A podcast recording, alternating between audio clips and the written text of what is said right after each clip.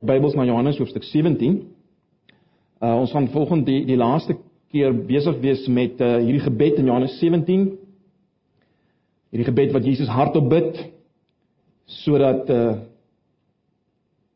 sy onmiddellike disippels dit kan hoor, versterk en bemoedig kan word, maar uiteindelik ook dat ons wat nou uh die kerk is wat voortgevloei het uit hulle, versterk en bemoedig kan word deur dit wat Jesus hier bid en sodat ons ook uh kan leer wat om vir mekaar te bid. So vanoggend gaan ons uh kyk na weer eens na hierdie gedeelte in Johannes 17 uh vir 'n laaste keer die laaste bede wat die Here as uh, Here Jesus as te ware rig aan sy Vader. Maar kom ons uh, voor ons daarna gaan kyk, kom ons uh, raak net weer stil ook voor die Here en vra dat hy uh dit vir ons sal oopbreek. Ons sal verstaan dit wat hy wil sê. Ja Here, ons kom nou weer na U toe in groot afhanklikheid. Ons weet Here as U nie ons verstand oopmaak en ons verlig nie, dan bly ons vasgevang in ons eie persepsies en idees wat dikwels selfgerig is. U moet ons kom vrymaak. U moet ons U laat raak sien in al U heerlikheid. U moet ons help om te hoor dit wat ons moet hoor. Ek wil vra in hierdie oggend Here dat U in ons midde sal wees, dat U U woord sal gebruik om met ons te praat. Here, ons is nie hier vir oggend om na enige mense idees te luister nie. En Here, ek ken myself, my eie gebrokenheid en swakheid en daarom wil ek bid dat U maar net deur my sal werk en praat deur U woord. Ag Here, ek wil bid dat U ons as 'n gemeente sal aanspreek vir oggend, ons as individue. Dat ons sal hoor wat U wil is vir ons, soos verwoord in dit wat U bid net voordat U na Golgotha gegaan het om 'n volmaakte werk te doen in ons plek vir ons verlossing.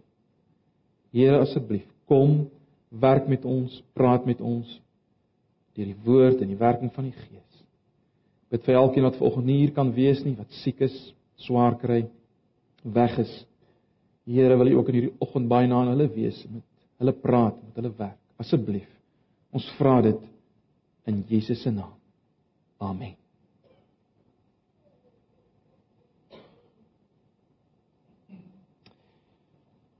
Johannes hoofstuk 17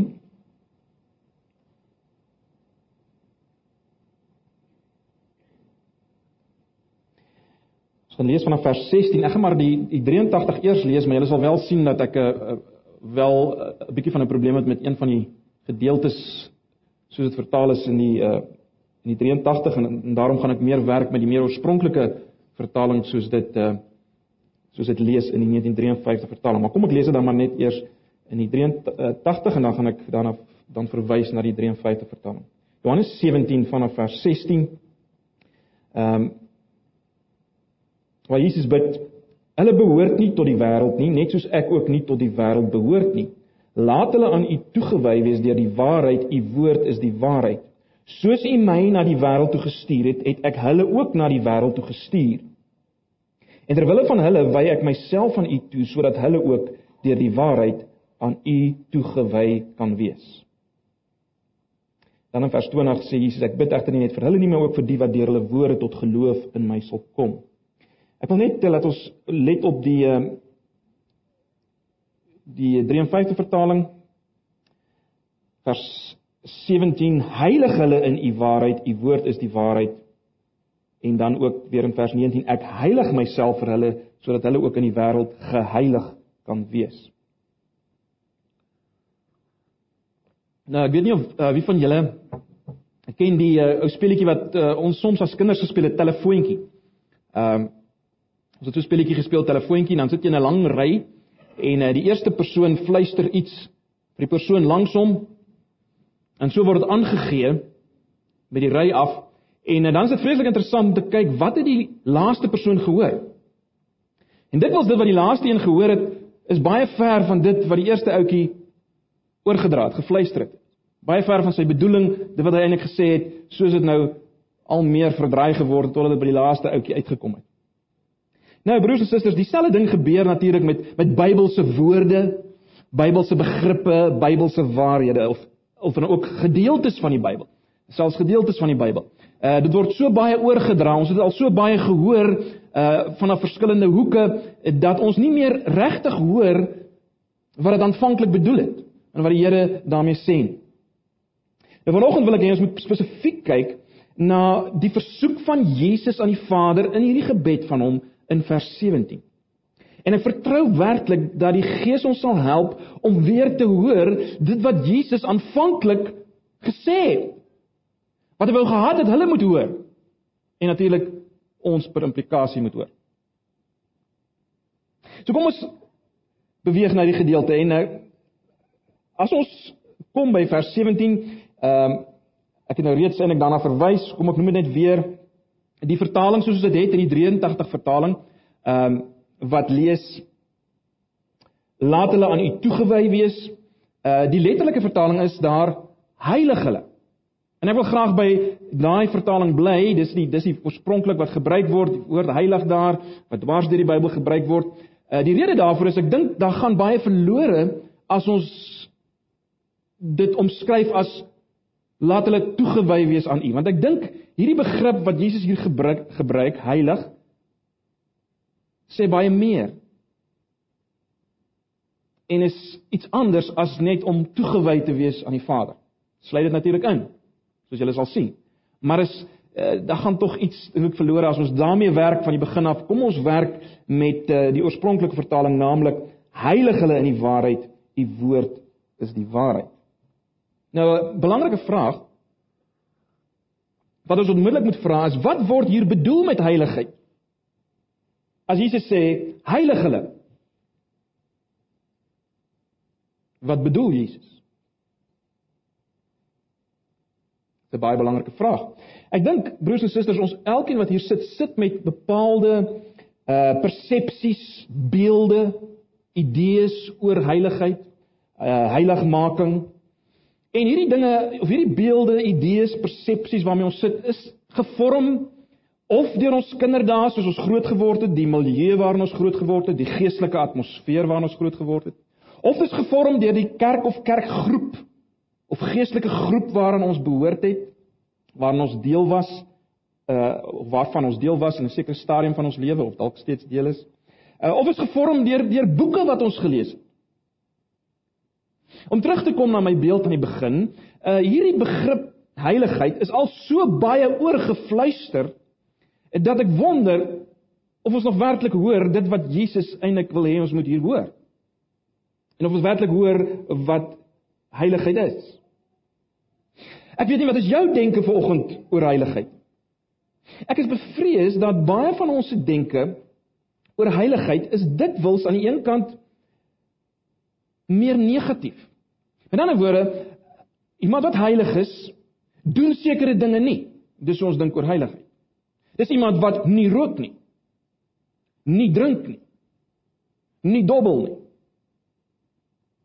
Nie vreeslik hard lag nie nie sekere klere aantrek of nie sekere musiek luister nie, uh word dikwels negatief gesien of uiterlik.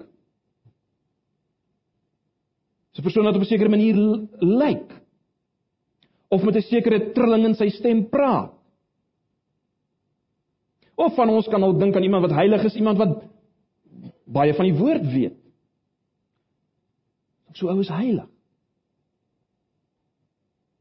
Nou, Dis nie die Bybelse gedagte van heiligheid. En ek wil hê ons moet dit vanoggend weer raak sien. Wat is die heiligheid waarvan Jesus hier praat? Wat is die heiligheid waarvan Jesus hier praat? Nou as ons gaan na die Bybel, is dit baie belangrik om te sien dat in die eerste plek is God die absolute heilige een, né? Nee, dit is waar die van hele begrip vandaan kom in die eerste plek. God is die heilige een. Jesus verwys ook daarna in vers 11 as hy bid Heilige Vader, né? Nee, spreek die Vader so aan. Wat beteken dit? Dit beteken dat die Vader, God, is totaal volkome. Hy is heel as jy wil. En daarom is hy anders as die gebroke wêreld rondom hom. As mens dit so kan stel, né? Nee, hy's anders. Hy's hy's eenkant daarvan omdat hy so anders is.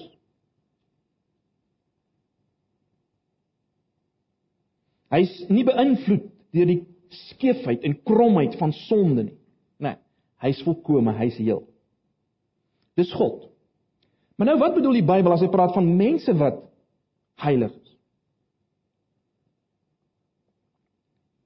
Wel is baie duidelik dat van die begin af as die Bybel praat van mense en selfs dinge wat heilig is of geheilig is, is dit mense of dinge wat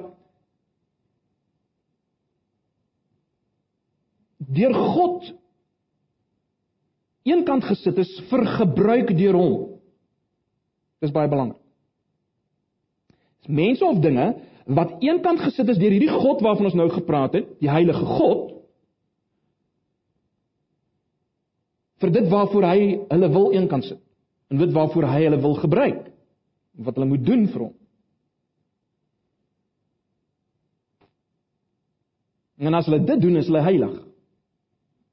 As hulle as hulle die gebruik wat hy vir hulle het vervul. Om in 'n eenvoudige term te sit, 'n skoen is gebruik om aan te trek. Uh as jy hom aantrek aan jou voet, dan heilig jy daai skoen. Dis waarvoor hy dis waarvoor hy daar is. Maar goed. Uh in kort kan ons dus sê heilig, die betekenis van heilig en ek dink nou spesifiek eers aan die Ou Testament.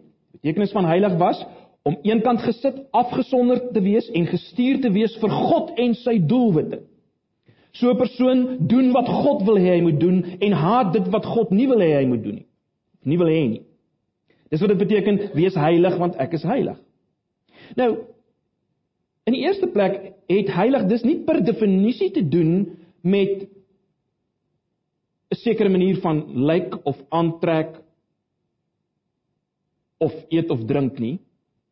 Dit is nie per definisie in die eerste plek daarmee te doen nie, maar onder die ou verbondsbedeling het dit wel die vorm aangeneem. Onder die ou verbondsbedeling as jy heilig was, eenkant gesit was vir God, uh het sy of dit nou 'n uh, uh die tempel was of 'n hoëpriester of die volk self, uh moes jy op 'n sekere manier lyk dink aan die hoëpriester in sy klere drag Jy moes sekere dinge eet of drink en ander dinge nie eet of drink nie. Dit was hoe dit was onder die ou verbondsbedeling, die Mosaïese wetgewing, wetgewing onder Moses. Uh die volk moes nie in aanraak kom met enige iets onrein of onrein mense nie. Uh heidene het nie deel gehad aan dit waarna hulle deel gehad het nie. Julle ken al die voorskrifte. Jy moet jou afskei van sekere dinge en as jy jou afskei, dan was jy heilig. Want dis wat God wil. Maar nou baie belangrik, die rede daarvoor was dat God was besig om afbeeldinge te gee van 'n geestelike werklikheid wat sou kom. En dis baie belangrik om dit te verstaan. As jy vinnig kan kyk na Kolossense 2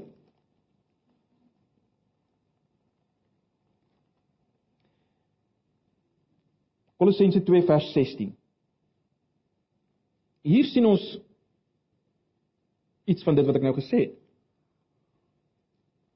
Paulus sê, lees die 83 vertaling vers 16 van Kolossense 2, daarom moet julle nie dat iemand vir julle voorskryf wat julle moet eet en drink nie of dat julle die jaarlikse feeste of nuwe maansfees of Sabbatdag moet vier nie. Jy sien, dis die dinge wat hulle gedoen het om heilig te wees onder die ou bedeling. Ehm um, eet, drink sekere feeste en so meer, dit was heilig. Vers 17, dit is alles maar net 'n skaduwee wat van van wat sou kom, die werklikheid is Christus sê Paulus. Alraai, so ek hoop julle kry die prentjie. Die Ou Testament mense wat eenkant gesit is, afgesonder vir God en gestuur is vir dit wat hy wou. Uh dit het dikwels gepaard gegaan met 'n sekere manier van aantrek, uh eet en drink en hierdie dinge. Maar nou sê Paulus die werklikheid van alles is eintlik Christus. Dit was skadu beelde geweest, al hierdie dinge. So ek dink is net logies dat ons sal moet kyk na Jesus. As ons wil weet wat beteken heiligheid nou? En wat beteken dit vir 'n mens om nou heilig te wees? Dan moet ons begin nou by Jesus en nie in die Ou Testament. Baie belangrik. En nou is dit baie interessant. Ek wil hê julle moet blaai na Johannes 10 vers 36. Uiters belangrik want hier sien ons Uh presies dit wat ek nou gesê het oor die betekenis van heiligheid, naamlik dat heilig beteken om uh afgesonder eenkant te wees vir 'n sekere doelwit. Ons sien dis presies wat waar is van Jesus, Johannes 10 vers 36. Ek gaan dit in albei vertalings lees want baie interessant. Uit die twee vertalings sien ons nou duidelik die betekenis hiervan. In die 83 vertaling lees ons dit. Hoe sê julle dan vir my wat deur die Vader, daar's die woord, afgesonder en na die wêreld toe gestuur is? Jy praat God lasterlik omdat ek gesê het ek is die seun van God. Kyk nou na die 53 vertaling van Johannes 10 vers 36. Die van julle wat dit voor julle het, anders luister maar net. Nou gaan julle sien. Hier is die oorspronklike vertaling. Sê julle vir hom wat die Vader geheilig en in die wêreld gestuur het, u spreek God lasterlik omdat ek gesê het ek is die seun van God. sien julle dit? So julle kan baie duidelik sien die 83 vertaling het heilig net die betekenis daarvan gegee naamlik afgesonder maar baie belangrik na die wêreld, gestuur na die wêreld. So, wat moet ons sien? Die Vader het dus vir Jesus die seun vir sy doelwit eenkant gesit. Maar wat is die Vader se doelwit? Wel die Vader se doelwit is dat die seun gestuur word na die wêreld. sien julle dit? Dat die seun gestuur word na die wêreld. So hoe het heiligheid in Jesus gelyk? Wel Jesus se heiligheid het nie te, te maak gehad met die hou van sekere feeste nie. Hy het nie sekere feeste gehou en en so so meer en sekere dae nie. Jesus se heiligheid het ook nie gepaard gegaan met 'n sekere tipe klere drag en sekere dinge wat hy nie geëet of nie gedrink het nie. Sy onthouding van sekere kosse. En Jesus se heiligheid het te maak gehad met die presiese doen wat die Vader wou gehad het, naamlik dat hy na die wêreld sou gaan. En in die proses moes hy afstand doen van alles waaraan hy kon vashou as die seun van God om na die wêreld te gaan.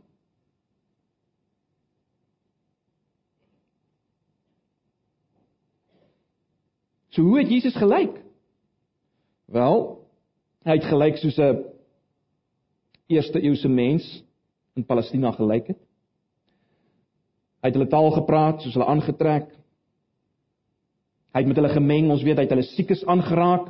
Hy het hulle dooies opgewek en nou baie interessant, die mense wat volgens in die ou bedeling onrein was, jy was heilig as jy nie aan hulle geraak het nie. As jy jou afgeskei het van hulle, Jesus kom en hy raak hierdie ouens aan.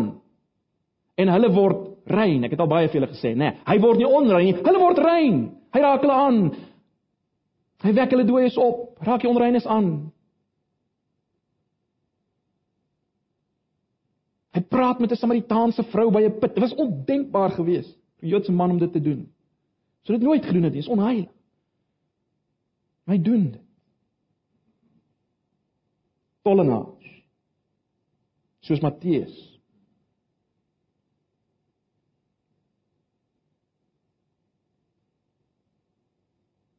En uiteindelik weet ons sterf hy vir hulle. Hy sterf vir Golgotha. Dra hulle sonde skuld. En daarom sien ons baie duidelik dat die doel van sy heiligheid was uiteindelik om ander te herstel, heel te maak te red as jy wil herstel, heeltemal red. Dit was die doel waarvoor Jesus gestuur is. Dit was die wil van die Vader. So dit was die wil van die Vader. Dit is wat God wou. Jesus doen dit en daarom was Jesus heilig. Daarom was Jesus heilig. Terloops broers en susters, as as ons in daai tyd so geloop het en Jesus het tussen 'n klomp mense geloop, sou ons nie geweet het wie Jesus nie, hoor. Kry vir eens en altyd die kinderbybel prentjies uit julle kop uit, dis totaal verkeerd en belaglik. Hy het nie met lang wit hare geloop tussen Jode met swart hare nie, hoor.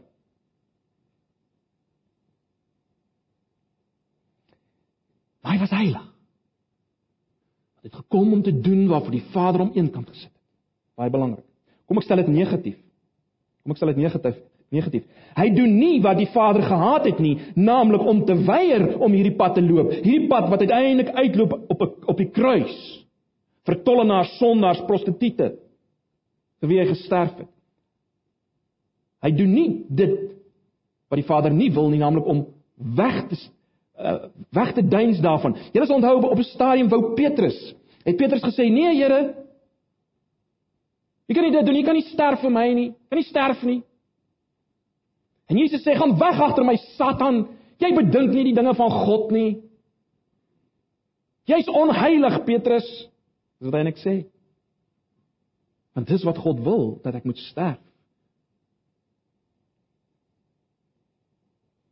So jy kan verstaan terloops dat Jesus in die oë van die godsdienstiges van die dag. En let wel, dis mense wat God wou behaag. Dis ou verbondsmense, hulle het nog in daai paradigma geleef. Hulle wou God behaag. En in die oë van daardie mense was Jesus onheilig. Ons moet dit verstaan. Hy was totaal onheilig. Hoekom het hulle hom nie as heilig beskou nie? Wel, hulle het nie hierdie eenkant gesit van God verstaan nie. Hulle hulle het nie Jesus verstaan nie. Hulle het nog na heiligheid gekyk en daaroor gedink in terme van die ou verbond. Soos dinge was in die ou bedeling, né? So hulle het nog gedink aan heiligheid in terme van van die eet van sekere dinge uh ensovoorts en die was van hande. Julle sal onthou dit was vir hulle groot pyn dat Jesus se disippels nie hulle hande was voor hulle eet nie ensovoorts. Die wegbly van sekere mense. En nou kom Jesus en hy keer hierdie dinge keer op keer keer hierdie ding op op die kop en ons het dit gesien in Johannes Evangelie. Hy werk op die Sabbat. Genees iemand op die Sabbat. Hy meng en eet saam met die sondaars. En so mate dat hulle gesê het hy's 'n vraat en 'n wynsuiper en hulle sou dit nie gesê het as daar nie goeie rede daarvoor was nie. Want hy was saam met hulle. Hulle het hom daar gesien. Hulle het hom daar gesien. Dit is verwys na die Samaritaanse vrou. Maar nou, broers en susters, in dit alles was Jesus absoluut heilig.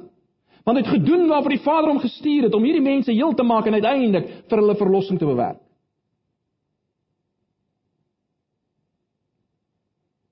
En nou bring dit vir ons by vers 18 in Johannes 17. Kyk mooi. Kom ek lees dit nou maar in die 53 vertaling, die een wat ek nou aanval gebruik, né? Nee, kyk na vers 18. Ons het nou na vers 17 gekyk die begrip heiligheid soos dit in Jesus se lewe na vore kom in die lig van Johannes 10:36. Nou kyk ons na vers 18.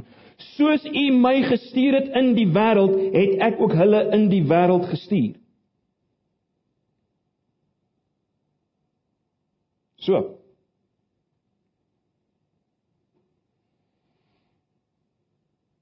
Waarvoor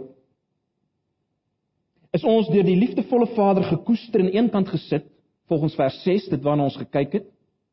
Wel om soos die seun Jesus wat hy van ewigheid af gekoester het in die wêreld ingestuur te word. Dis wat Jesus hier sê. Soos hy ingestuur is, stuur hy nou hierdie mense in in 'n wêreld wat hom haat. En wat hierdie mense van hom sal haat. Maar vir wie hy liefhet en vir wie hulle moet lief hê. Nou Jesus moes uiteindelik 'n plaasvervangende dood sterf sodat mense kon deel word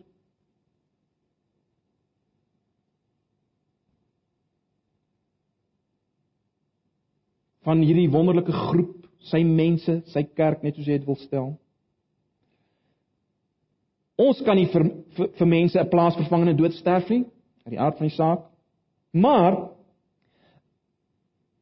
die soos waarvan hier Jesus hier praat is om soos hy 'n pad te loop van opofferende, selfverlonende liefde vir hierdie mense in die wêreld sodat hulle kan deel kry aan dit wat hy Jesus gedoen het. Jy sien ons moet hulle daaraan bekendstel. Ons moet hulle daarvan vertel. Ons moet sê wat hy bereik het deur sy dood.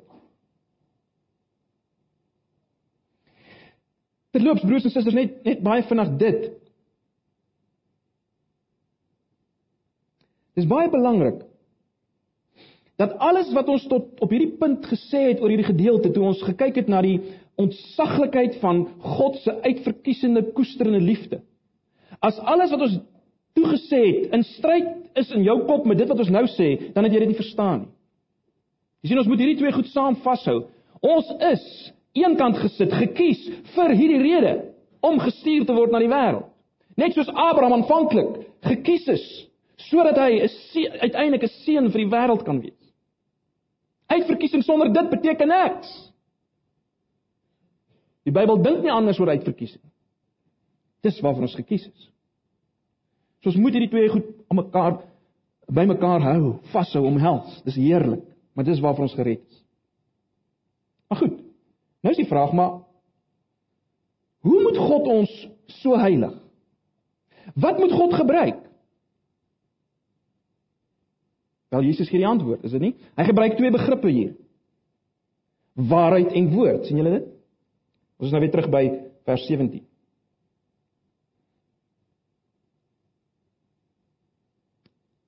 Heilig hulle in die waarheid.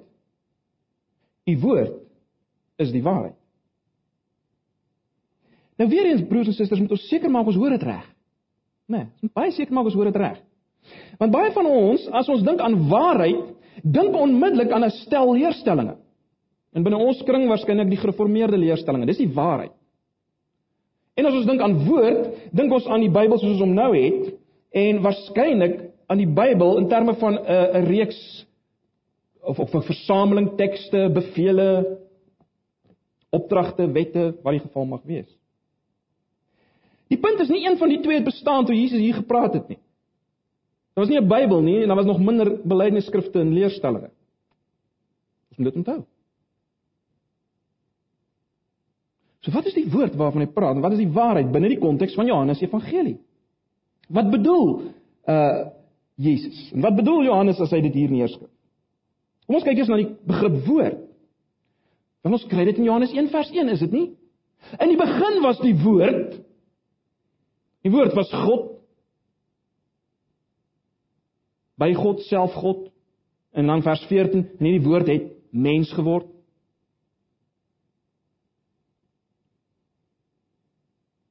In die begin was die woord. En die woord het mens geword. Hebreërs 1 vers 1 en 2 stel dit so. In die verlede het God baie keer op baie maniere tot ons Vader gespreek. In die laaste dae het hy met ons gepraat of gespreek deur sy seun. So broers en susters, as Jesus hier praat van die woord, dan praat hy van homself, die finale woord van God. Wat is God se finale woord aan die wêreld? Dis Jesus. Alles wat hy is en alles wat hy gedoen het, dis wat God sê, dis sy woord. Dis waarmee hy jou gaan heilig. Heilig in die terme waarvan ons nou daarvan gepraat het. Nou miskien vra jy maar waar pas ons Bybels in? Wel, as mens erns maak met die Bybel, dan kom jy baie gou agter die Bybel is een geheel, né? Nee. Een geheel wat ten diepste gaan oor Jesus en as jy dit nie raak sien nie, jy sien dan het jy 'n probleem want dan pluk jy gedeeltes uit sonder om dit te sien as deel van een ware verhaal van die werklikheid, God se verhaal. Die waarheid wat uitloop en kulmineer in Jesus Christus. En Jesus sê dit self, né, nee, in Johannes 5 vers 46. Sê, "En Moses het van my geskryf." Verwys na die Ou Testament. Sê, "Julle julle soek vir nie daar of julle die lewe gaan kry. Hy het van my geskryf." Lukas 24 vers 21 en verder wys hy dat alles in die Ou Testament gaan oor hom. Hy is die eindpunt van alles. Ag ek kan baie hieroor praat, dit is so belangrik. Jy kan nie die Bybel lees as jy dit nie raak sien nie. Die Bybel is nie 'n stel reëls en wette en regulasies nie. Dit is Jesus. Albei kante van die verbond vind vervulling in hom. Ek wil vir jou God wees, jy moet my volk wees. Hy neem albei kante oor. Ek wil nie nou daarop uitbrei nie. Maar dis ons moet dit raak sien. Dis die woord waarvan Jesus hier praat. God se laaste woord. Wat is waarheid? Wat is die waarheid waarvan Jesus hier praat? Wel, hy maak dit baie duidelik in Johannes 14 vers 6. Ek is die weg, die waarheid en die lewe. Jesus sal onmoontlik van 'n ander waarheid praat want hy is die toppunt van waarheid. Hy is God se waarheid. Hy is God se waarheid. Dis waarvan hy praat. So hoe heilig dit jou? Wel, kom ek probeer min of meer dit so verduidelik. Jy nou sal onthou Jesus het reeds die belofte gemaak dat die Heilige Gees wat die Vader sal stuur, sal hulle lei in die volle waarheid. In ander woorde, die Heilige Gees lei ons deur dit wat nou vir ons neergeskryf is oor Jesus die woord lei ons om dit in volle te begryp en te verstaan wie hy is, waarvoor hy gekom het.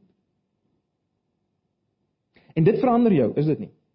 Dit verander jou totale denke, jou uitkyk op die lewe, jou gesindheid, jou lewenstyl. Jy sien wie God is. Jy sien dat God 'n hart het vir verlorenes. Jy sien wat God gedoen het in Jesus. Hierdie laaste woord. En dit verander jou totaal. Hoe lyk iemand wat daardeur aangeraak is? Wel, ons kry 'n idee byvoorbeeld in Filippense 2 vers 5. Jy kan daarna kyk as jy wil, Filippense 2 vers 5. En verder.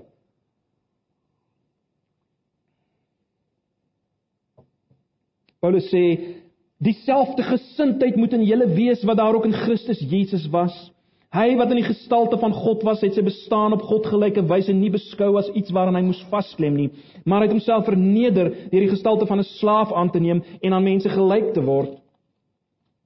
En toe hy as mens verskyn het, het hy homself verder verneder. Hy was gehoorsaam tot in die dood, ja, die dood aan die kruis. So wat sê Paulus? Hierdie gesindheid moet in julle wees. Dit moet julle denke wees. Dit is baie interessant. Hy gaan verder en dan en dan sê hy eh, vanaf vers 12 dat julle moet ligdraers in die wêreld wees deur hierdie gesindheid. Prysgaal. In 2 Korintiërs 5 vers 14 15 sê Paulus As een vir almal gesterf het, dan almal gesterf sodat die wat lewe nie meer vir hulle self moet lewe nie. Jy sien, as jy verstaan het wat Jesus gedoen het en jy dit omhels, dan verander dit jou hele uitkyk. Dit heilig jou. Verander jou jou hele siening van waarvoor jy hier is. Nou dan mag 'n beswaar wees op hierdie punt. En dit mag so klink, beteken dit dat Jesus wil hê ons moet soos die wêreld word, menende dat ons moet deel hê aan die sonde van die wêreld. En die antwoord is natuurlik nee. Kom ons kyk na vers 16. Johannes 17 vers 16. As Jesus sê, hulle behoort nie tot die wêreld nie, net soos ek ook nie tot die wêreld behoort nie. Nou ons moet hierdie soos natuurlik net weer reg verstaan. Beteken nie dat ons uh, soos Jesus van die hemel af kom nie. Hy het nie aan die wêreld behoort nie want hy kom van die hemel af. Dis nie waar van ons nie. Ehm um, Hy's God, ons is nie God nie, so dis ook nie waar van ons nie, maar wat wel die ooreenstemming is, ons behoort aan die Vader, soos Jesus aan die Vader behoort. Ons staan in verhouding met die Vader soos Jesus met die Vader in verhouding staan. Met ander woorde, ons is nie van die wêreld nie in die sin dat ons soos Jesus in 'n verhouding met die Vader staan. Die wêreld staan nie in 'n verhouding met die Vader nie. Die wêreld haat God. Nee. Die die begrip wêreld het ek al baie vir julle gesê in Johannes Evangelie staan vir die die die die mensdom in rebellie teen God. In opstand teen God. En ons moet nie soos daardie wêreld word nie uit die aard van die saak. Die wêreld wat God haat, in rebellie is teen God en net leef vir sy eie begeertes. 1 Johannes 2 uh, vers 15 tot 17, julle ken dit. Die wêreld word daar beskryf as die begeerlikheid van die van die vlees en die oë. En die gesteldheid op besit. Het al baie vir julle gesê, die filosofie van ek wil hê en ek het. En hierdie begeertes, onthou net, hierdie begeertes van die oë, uh dit kan of Penthouse wees of Picasso, dit maak nie saak nie as daar nie 'n begeerte is vir God nie, is dit van die wêreld. As jou begeerte nie uh, in ten diepste gerig is op God en om om hom in alles wat jy begeer te ken en raak te sien, wel dan is jy van die wêreld. Weereens of jy besig is met Penthouse of jy of jy besig is met Picasso. As jy God uitskakel, dan is jy van die wêreld. Of jy besig is met harde rock musiek en of jy besig is uh met Andre Andre Rieu, maak nie saak nie, dis die wêreld. As jy nie God in wil vind en God wil groot maak in en deur dit nie, maar goed. Ons mag nooit so deel wees van die wêreld nie. Ons mag nooit so deel wees van die wêreld. Wat sal ons daarvan bewaar? Dat ons so sal deel raak van die wêreld wat draai om myself. Ek, myself en nie God nie, nie ander nie, ek self. Leef net vir myself, nie vir die nie vir die verlorenes nie, nie vir God nie, net vir myself. Wat sal ons bewaar daarvan? Wel ons daarna daar verwys. Die woord en die waarheid. Soos gesien in Jesus. Dit is onmoontlik om voort te gaan om net te leef vir jouself en jou eie begeertes as jy dit raak gesien het. Jy kan nie. Dit bewaar ons dat ons soos die wêreld word. Maar baie baie belangrik. Alhoewel ons nie van die wêreld is.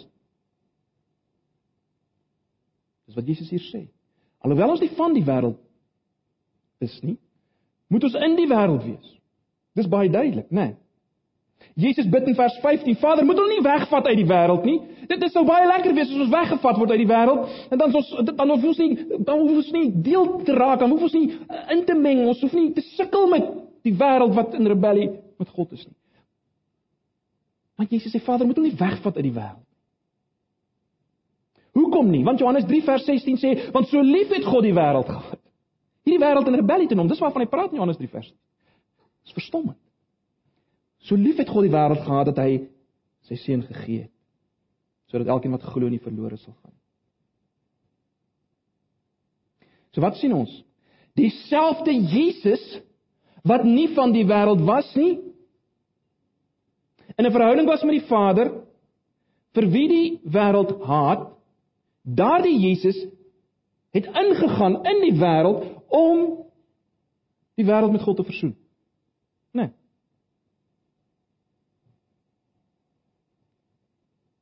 En dis wat ons moet doen, broers en susters. Dis waar ons heiligheid lê. En ons ons is die enigstes wat die wêreld kan bereik met hierdie boodskap, né? Nee. En ons kan dit net doen as ons heilig is. As ons eenkant gesit is vir hierdie doel, naamlik die wêreld aan te raak sodat hulle heel kan word en uit uit kan kom uit hulle selfgesentreerdheid en by God kan kom.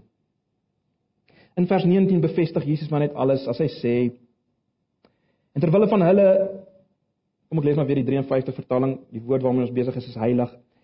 Vers 19 en ek heilig myself vir hulle sodat hulle ook in die waarheid geheilig kan wees. Jesus al wat hy hier doen in 'n sekere sin is maar net om om klem te lê dat hy absoluut sy samewerking gaan gee in hierdie heiliging waarvoor die Vader hom gestuur het. Hy's vasbeslote om vir hulle te sterf. Hy's op pad soontoe. En hy doen dit hoekom sodat hulle weer die pad kan loop wat hy geloop het. Om ander met God te versoen. Jesus is vasbeslote om dit te doen. So waarvoor bid Jesus? Wel ek hoop is duidelik broers en susters. Jesus bid dat die Vader die wat die Vader hom gegee het, eenkant sal sit en stuur soos hy vir hom gestuur het. En hy bid in diepste dat die Vader hulle sal maak soos hy is, sodat hulle kan doen wat hy gedoen het. En daarom ja, die gevolg van hierdie heiligheid, eenkant gesit en gestuur na die wêreld, sal natuurlik weer uh, uh, die effek hê dat die vrug van die gees byvoorbeeld al meer en meer in ons lewe na vore sal kom, soos ons besig is met Jesus die woord en die waarheid. Né? Nee.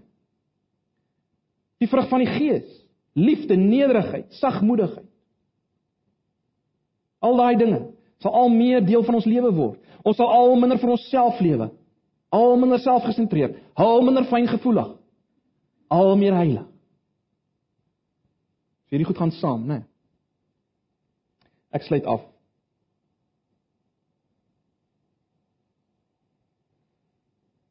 Ek en jy moet vir onsself vra: Waar staan ons wat heiligheid betref? Is jy heilig? Is ek? Mag net wees dat ons denke van uh, oor heiligheid bietjie omgekeer is vandag, maar dit is goed so. Maar dit mag wees dit wat jy is wat ons dink maak ons heilig, maak ons onheilig. En ons moet voor die Here kom. Hoe sal dit lyk as jy heilig is? Hoe sal dit lyk as ek heilig is? Wel, die harde werklikheid is dan sal ons in kontak kom met die verlore wêreld. Sodat hulle kan verander. Let wel, nie sodat ons soos hulle kan word nie, maar sodat hulle kan verander.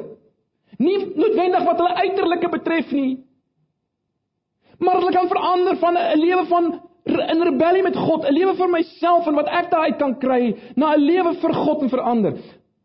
Ek en jy as ons heilige sal ons in kontak wees met mense en hulle sal so verander. Dan is ons heilig. Dan is ons heilig.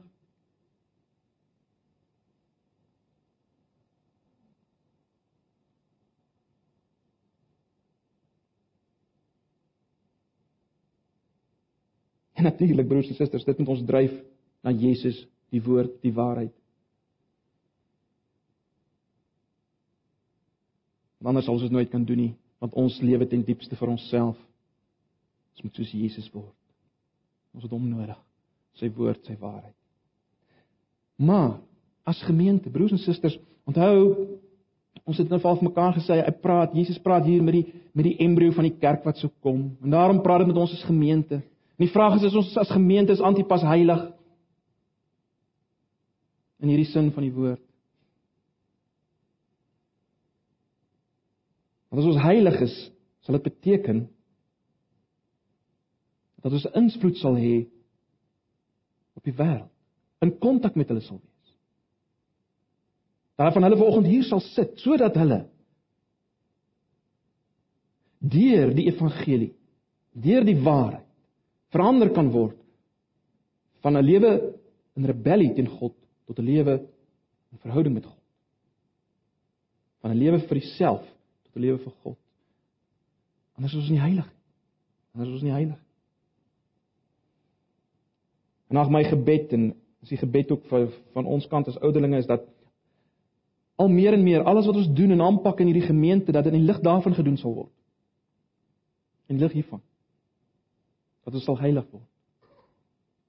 Alles wat ons beplan, dit nou 'n ete is of wat dit mag wees, dat ons wil heilig wees. Menende gestuur wees soos Jesus. En ag as die as die Here wil, sal ons volgende kwartaal meer miskien daaroor praat. Net 'n laaste gedagte. Ek hoop julle sien hoe al drie versoeke van Jesus eintlik saamgaan, né? Die versoek om eenheid. En die versoek van die bewaar van die bose. Hoekom? Sodat ons gestuur kan word soos hy.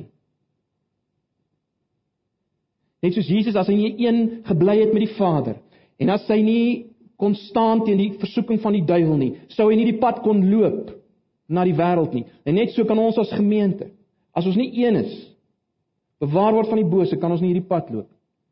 So dis hoe hierdie drie goed bymekaar pas. Ek kan seker nog baie daaroor sê, maar net heel laaste. Broers en susters, ek het julle gesê aan die begin, hierdie gebed is ook gebid sodat ons dit kan bid. En daarom kom ons bid dit vir mekaar. Dit wat Jesus hier bid. Kom ons bid dit vir ons gemeente in ware erns. Eenheid, bewaring van die bose. Heiliging. In die sin waarna ons nou daarna gekyk het. Gee 'n paar oomblikke van stilte. Kom ons word uh, stil net voor die Here en ons uh, kom ons bid dit bid dit vir onsself. Ons vra Here, hier's ek. Waar staan ek? Wys my. Ruk my uit my selfgerusheid, my selfgesentreerdheid. Verander my. Ons bid dit vir ons as gemeente. Kom ons uh, gee geleentheid vir gebed en sluit ek af voor ons afsluit met 'n laaste lied. Here Jesus, baie baie dankie vir hierdie gebed waarmee ons kon besig wees.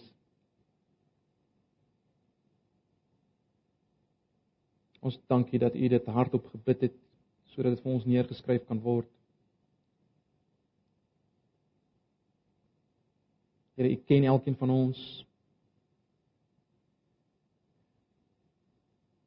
U weet dat ons altyd wegneig juis van ware heiligheid.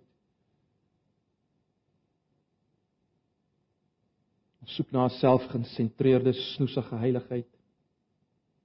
Ken my Here vergewe ons. Verander ons. Vernuwe ons. Deur die werking van die Gees wat ons lei in die waarheid van U self. Asseblief. Ons pleit dit van U. Here, moet ons nie los. Moet ons nie los. Moet ons nie los waar ons is nie. Ons vra dit in Jesus se naam. Amen. Kom ons sluit af met 'n laaste lied.